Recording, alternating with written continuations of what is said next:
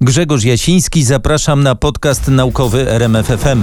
Dziś porozmawiamy o tym, jak bardzo warto dystansować się od innych. W czasie świąt wielkanocnych to nie jest normalne zachowanie, ale ten rok w ogóle nie jest normalny, a skoro dystans społeczny ma pomóc zwalczyć epidemię, to warto izolować się jak najbardziej.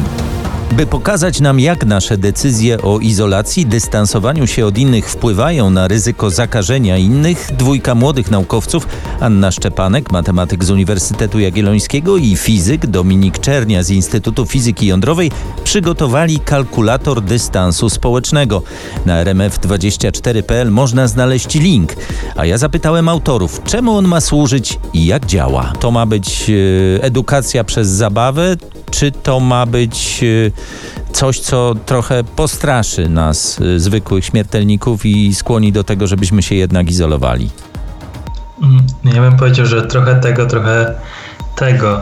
E, kalkulator właśnie powstał po to, żeby e, użytkownik mógł e, interaktywnie zobaczyć, jaki może mieć wpływ na rozprzestrzenianie się wirusa w społeczeństwie i jak może mm, zapobiegać mm, kolejnym infekcjom. Można się troszkę przestraszyć. To prawda. tak, że nawet kilkaset osób, jedna osoba, a nawet może kilkaset innych osób zarazić w ciągu miesiąca. To jest taki trochę y, argument do naszej osobistej empatii, bo, bo y, tak jak Państwo pokazujecie, że jedna osoba swoimi nierozważnymi y, działaniami może zarazić kilkaset osób, y, w drugą stronę to też obowiązuje, to znaczy można dzięki dyscyplinie y, no, kilkaset osób ocalić. No tak, właśnie może nie tyle kalkulator ma straszyć, co inspirować, tak? Komunikat nie jest negatywny, ale właśnie taki mobilizujący. Ile osób zostanie e, uchronionych przed zakażeniem w momencie, kiedy jednostka postanowi zachowywać się odpowiedzialnie.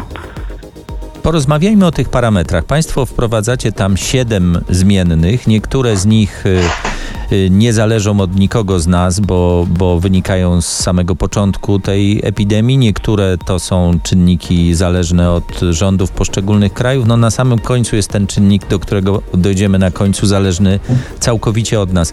Y, proszę powiedzieć, jak, jakie te czynniki są, jaki jest ich wpływ? parametry kalkulatora podzieliliśmy na e, trzy różne mm, mm, rodzaje. Pierwszy rodzaj to, jest, to są parametry związane z samym wirusem i epidemią. I, i tutaj możemy e, zmienić początkową liczbę zarażonych, e, możemy zmienić podstawową liczbę odtwarzania, to znaczy mm, ta liczba opisuje średnią liczbę ludzi, która zostaje bezpośrednio zarażona przez jedną osobę. To jest ten czynnik R0. To jest czynnik R0, tak, tak. Czyli jeśli jest czynnik R0 równy 2,5, to jedna osoba średnio będzie zarażać 2 do 3 innych osób. Kolejnym parametrem są przypadki bezobjawowe. Możemy tutaj określić, ile przypadków infekcji będzie przebiegało bez żadnych objawów od początku do końca.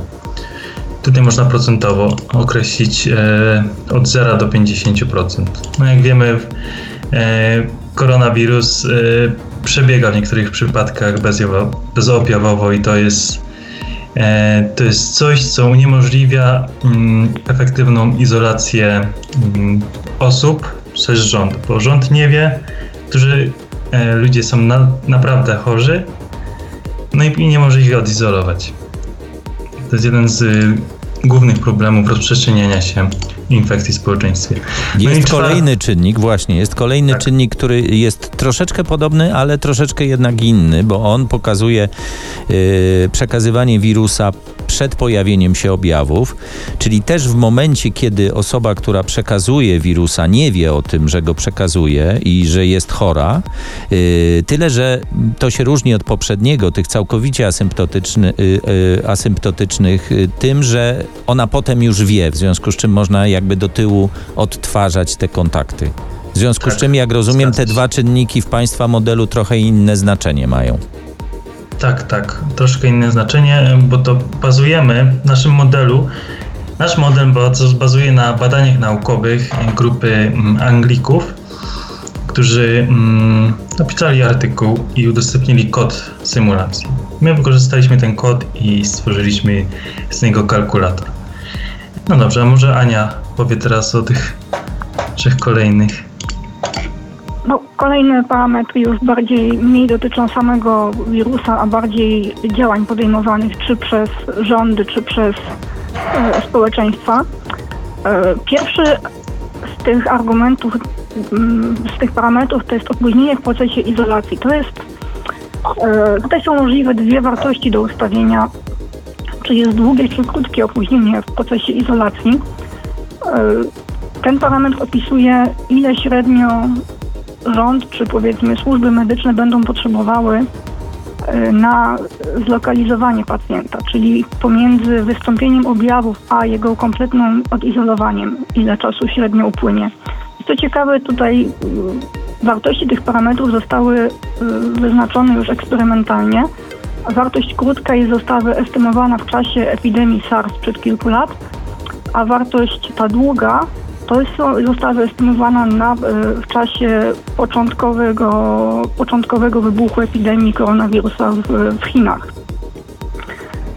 Y, Kolejnym parametrem jest y, pytanie, czy, czy osoby, które zostały wyśledzone jako kontakty osoby, która już została zidentyfikowana, od razu są poddawane izolacji, czy też jeszcze są tylko pod nadzorem. W tym momencie, jeżeli są od razu poddawane izolacji, to wiadomo, że e, mniej, mniej są zagrożeniem dla społeczeństwa. No i w końcu dochodzimy do tego mm, parametru naszej decyzji, tak, decyzji każdego członka społeczeństwa, mianowicie e, na jaki poziom izolacji e, dana osoba się decyduje. Można wybierać pomiędzy kilku poziomów, które powiedzmy tak opisujemy procentowo od zera, kiedy ktoś kompletnie nie przestrzega izolacji, poprzez rezygnację z imprez masowych, unikanie zatłoczonych miejsc, w końcu utrzymywanie tych zalecanych dwóch metrów dystansu, ograniczanie w ogóle wizyt tylko do osób najbliższych, aż po e, stuprocentowej izolacji, czyli wychodzenia z domu tylko po absolutnie najważniejsze e, zapasy, czyli pożywienie i leki. No Ja bym powiedział, że to jest najważniejszy parametr. Tak, Najważniejszy zdecydowanie. z tego względu, bo, bo tylko na niego możemy mieć wpływ. A matematycznie, bo, bo państwa model jest jednak matematyczny. Jak, jak matematycznie te poszczególne czynniki y, ustawiają się, w, w, jeśli chodzi o, o istotność dla tej ostatecznej liczby, czyli liczby ostatecznie zakażonych? Nie, Ja bym powiedział, że początkowa, no, tak jest, że początkowa liczba zarażonych wpływa na to, czy, mm, czy uda się mm, zatrzymać epidemię zaraz na początku e, jej wybuchu. Jak jest e, tylko kilka osób zarażonych, no to łatwo jest wyśledzić, względnie łatwo jest wyśledzić e, wszystkie inne osoby, które miały kontakt z tymi pięcioma osobami i, i zatrzymać epidemię w zarodku. Mm, Ten parametr, natomiast parametr R0, podstawowa liczba odtwarzania, mówi mm, o szybkości, z jaką epidemia może narastać. Im większy ten parametr, tym mm, epidemia dużo szybciej się rozprzestrzenia. Tu marzymy E. o tym, żeby ten parametr spadał poniżej jednego, bo wtedy jakby epidemia się zwija, ale e, oczywiście w państwa modelu rozwoju epidemii, no to on sięga wartości chociażby 2,5 albo nawet większej. Niektóre doniesienia z Chin na tyle, na ile można im ufać, wskazywały, że, że momentami to było wyżej. Tak, tak. Tak, Tutaj bazowe szacunki to jest pomiędzy 1,5 i 3,5. Natomiast Mhm. ten parametr R0, który ustawiamy na początku, to jest ten, e, to bazowe R0, tak? W momencie, kiedy e, żadnego, żadnej izolacji jeszcze nie stosujemy. Tymczasem no właśnie całym, całym sensem i celem e, tego całego utrzymywania dystansu społecznego jest to, żeby to R0 efektywnie zbijać. tak, bo to R0 zależy od społeczeństwa, od tego jak się zachowujemy. w tym modelu, w tym jak on pod spodem działa, to podstawowym, podstawową metodą, powiedzmy, walki z epidemią jest śledzenie kontaktów. W momencie, kiedy już zidentyfikujemy jedną osobę zarażoną, śledzimy jej kontakty. I w momencie, kiedy my zaczynamy stosować ten poziom izolacji coraz wyższy, to śledzenie tych kontaktów staje się coraz łatwiejsze. tak naturalny sposób. Jeżeli ktoś generalnie siedzi w domu, ale wychodzi tylko w absolutnie niezbędnych sytuacjach i okaże się, że taka osoba została, e, zostanie zdiagnozowana, to w tym momencie dużo łatwiej jest wyśledzić jej kontakty. Więc w taki sposób właśnie zwiększanie poziomu izolacji wpływa na przebieg epidemii i z tego potem można odtworzyć, jakie było efektywne R0. To sugeruje, że te parametry y, nie są y, jakby niezależne od siebie do końca, bo, bo faktycznie zmieniając nasze zachowanie możemy wpływać na różne elementy tej całej układanki. Tak, tak, zgadza się. Powiem więcej, że mm, każdą kombinację trzeba było osobno symulować, e, a symulacje trwają długi czas. To znaczy, my symulowaliśmy je kilka dni, nawet tygodni, żeby otrzymać wszystkie te kombinacje, które tutaj teraz e, udostępniamy użytkownikom. Jest ich prawie 600 różnych. Proszę mi powiedzieć coś o tym, jak, jakiego sprzętu Państwo używaliście? Ojej, no tutaj, e, tutaj mamy do dyspozycji tylko swoje własne komputery. Czyli teoretycznie, korzysta- czyli teoretycznie każdy mógłby sobie, o ile by miał y, odpowiedni model i y, odpowiednie umiejętności, odpowiednią wiedzę, to teoretycznie y, mógłby sobie to liczyć. Tak, oczywiście. My skorzystaliśmy z kodu, który został udostępniony przez naukowców z tej grupy, której, o której Dominik wspominał na początku. Więc Państw- ten kod i te badania są ogólnodostępne. Proszę mi powiedzieć, czy, czy Państwo macie takie ambicje, żeby mm, zmodyfikować ten swój kalkulator za jakiś czas, kiedy większa y, liczba danych pozwoli na przykład doprecyzować pewne parametry? Czy, czy Państwo sądzą, że można będzie ten kalkulator doprecyzować, kiedy nasza wiedza będzie większa? Mm, Tak, sądzę, że z pewnością można y, przeprowadzić dodatkowe symulacje, uruchomić po prostu kod, który już mamy przygotowany, który y, Ania opracowała. Mm. No i dodać kolejne kombinacje.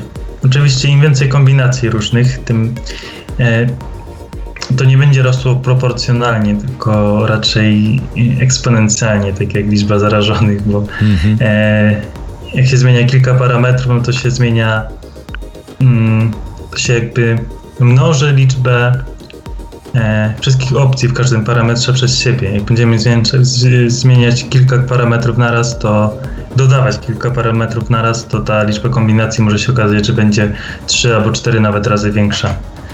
Więc y, trzeba będzie wziąć mm, sensowną, rozsądną liczbę mm, przeprowadzonych symulacji, tak żebyśmy e, zdążyli to zasymulować w rozsądnym czasie, w ciągu kilku dni, ewentualnie tygodni, ale żeby się to nie ciągnęło przez kilka miesięcy. Już pod wpływem doniesień medialnych zwiększyliśmy mm, możliwości wyboru, jeśli chodzi o przypadki bezobjawowe, bo w oryginalnym badaniu tam było tylko 0% i 10% do wyboru. Tak, WHO na nasz początku mówiło, tak, tak, tak. daje już możliwość wyboru 30 i 50%. To jakby pani zechciała opisać w takim razie, jak się można y, y, tym kalkulatorem posługiwać, jeżeli ktoś się chce przekonać, jak to rzeczywiście wygląda, co może zrobić, co może zmienić, na co zwrócić uwagę.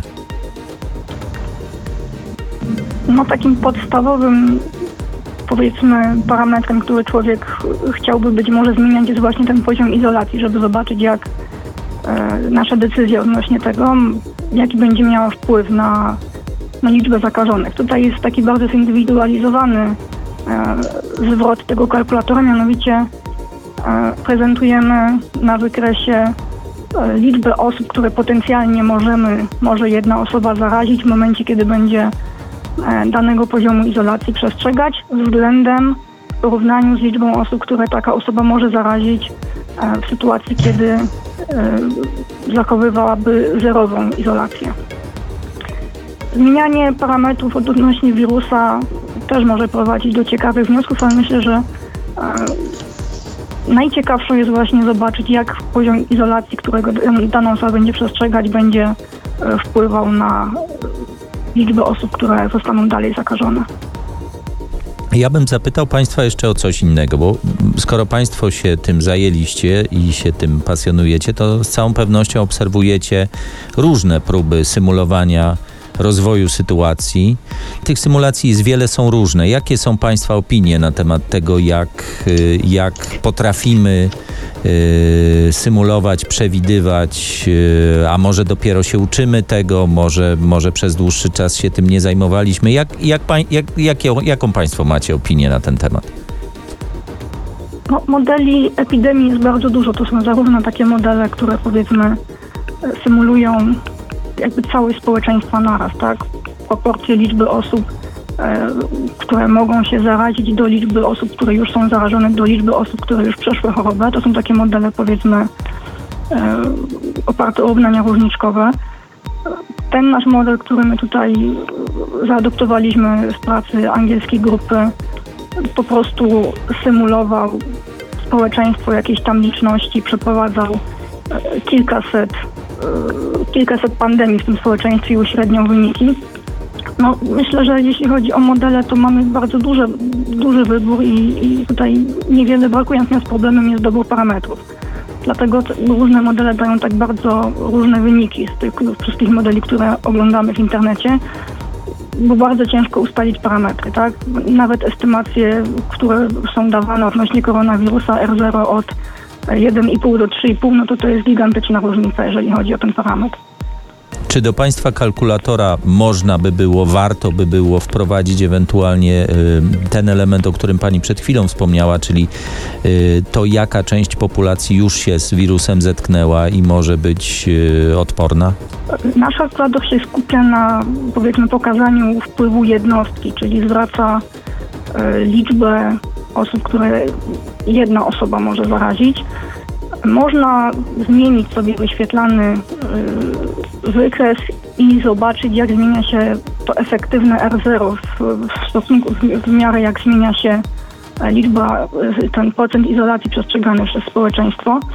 Natomiast pracujemy aktualnie nad takim kalkulatorem właśnie, który pokazuje całościowy obraz społeczeństwa.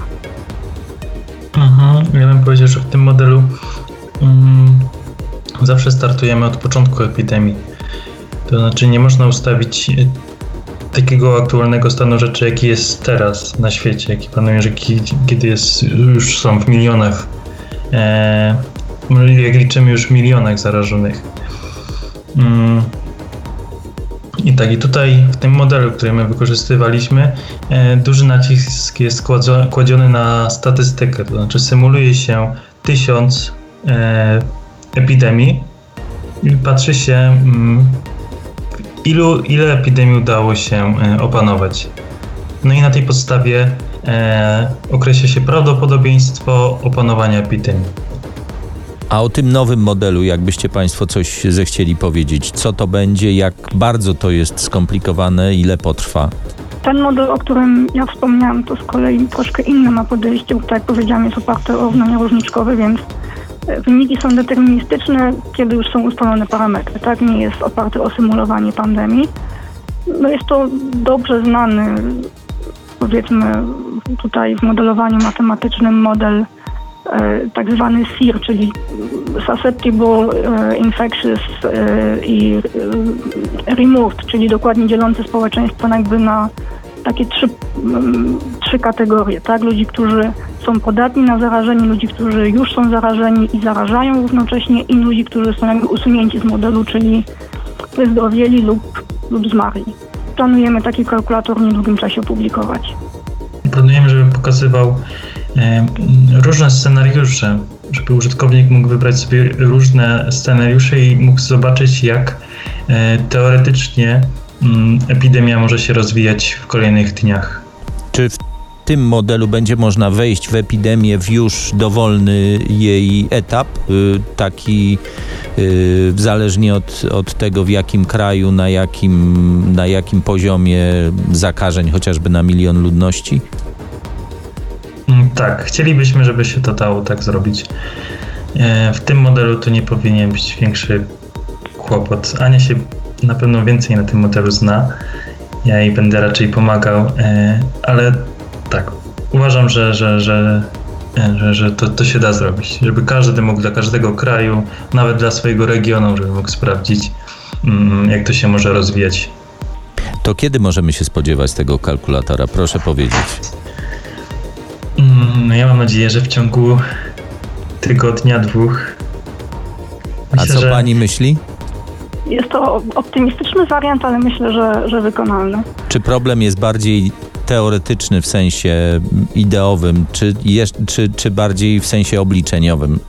Czy tu będzie zupełnie inaczej? To znaczy, że po prostu za każdym razem sami y, użytkownicy będą sobie po prostu liczyć to w, w oparciu o parametry, a nie będzie to już statystyka wcześniej przeliczonych y, y, symulacji. Tak, ten nowy kalkulator, o którym mówimy, będzie jakby na żywo po- pod spodem wszystkie obliczenia wykonywał w momencie, kiedy użytkownik będzie ustawiał parametry. Mhm, I powiem, że nie tylko będę ja z Anią nad tym kalkulatorem pracował, ale też mamy e, dwóch innych fizyków, mm, którzy nam będą pomagać. Więc ten kalkulator powstanie w cztery osoby. Mam nadzieję, że dzięki temu będzie e, najlepszy jakościowy, jaki, jaki, jaki możemy zrobić. Dziękuję Państwu serdecznie w takim razie. Jak rozumiem, to będą pracowite święta. Chyba. No to wygląda. Trzymamy kciuki za tę pracę, za wszystkie symulacje, które pomagają nam lepiej zrozumieć naturę pandemii, lepiej się przed nią chronić, minimalizować jej skutki. Moimi rozmówcami byli autorzy kalkulatora dystansu społecznego Anna Szczepanek, matematyk z Uniwersytetu Jagiellońskiego i fizyk Dominik Czernia z Instytutu Fizyki Jądrowej. Link do kalkulatora jest na naszej stronie internetowej rmf24.pl. To tyle w podcaście naukowym RMFFM. Dziękuję za uwagę. Wszystkim słuchaczom życzę spokojnych, zdrowych i szczęśliwych świąt wielkanocnych. Zostańmy w domu.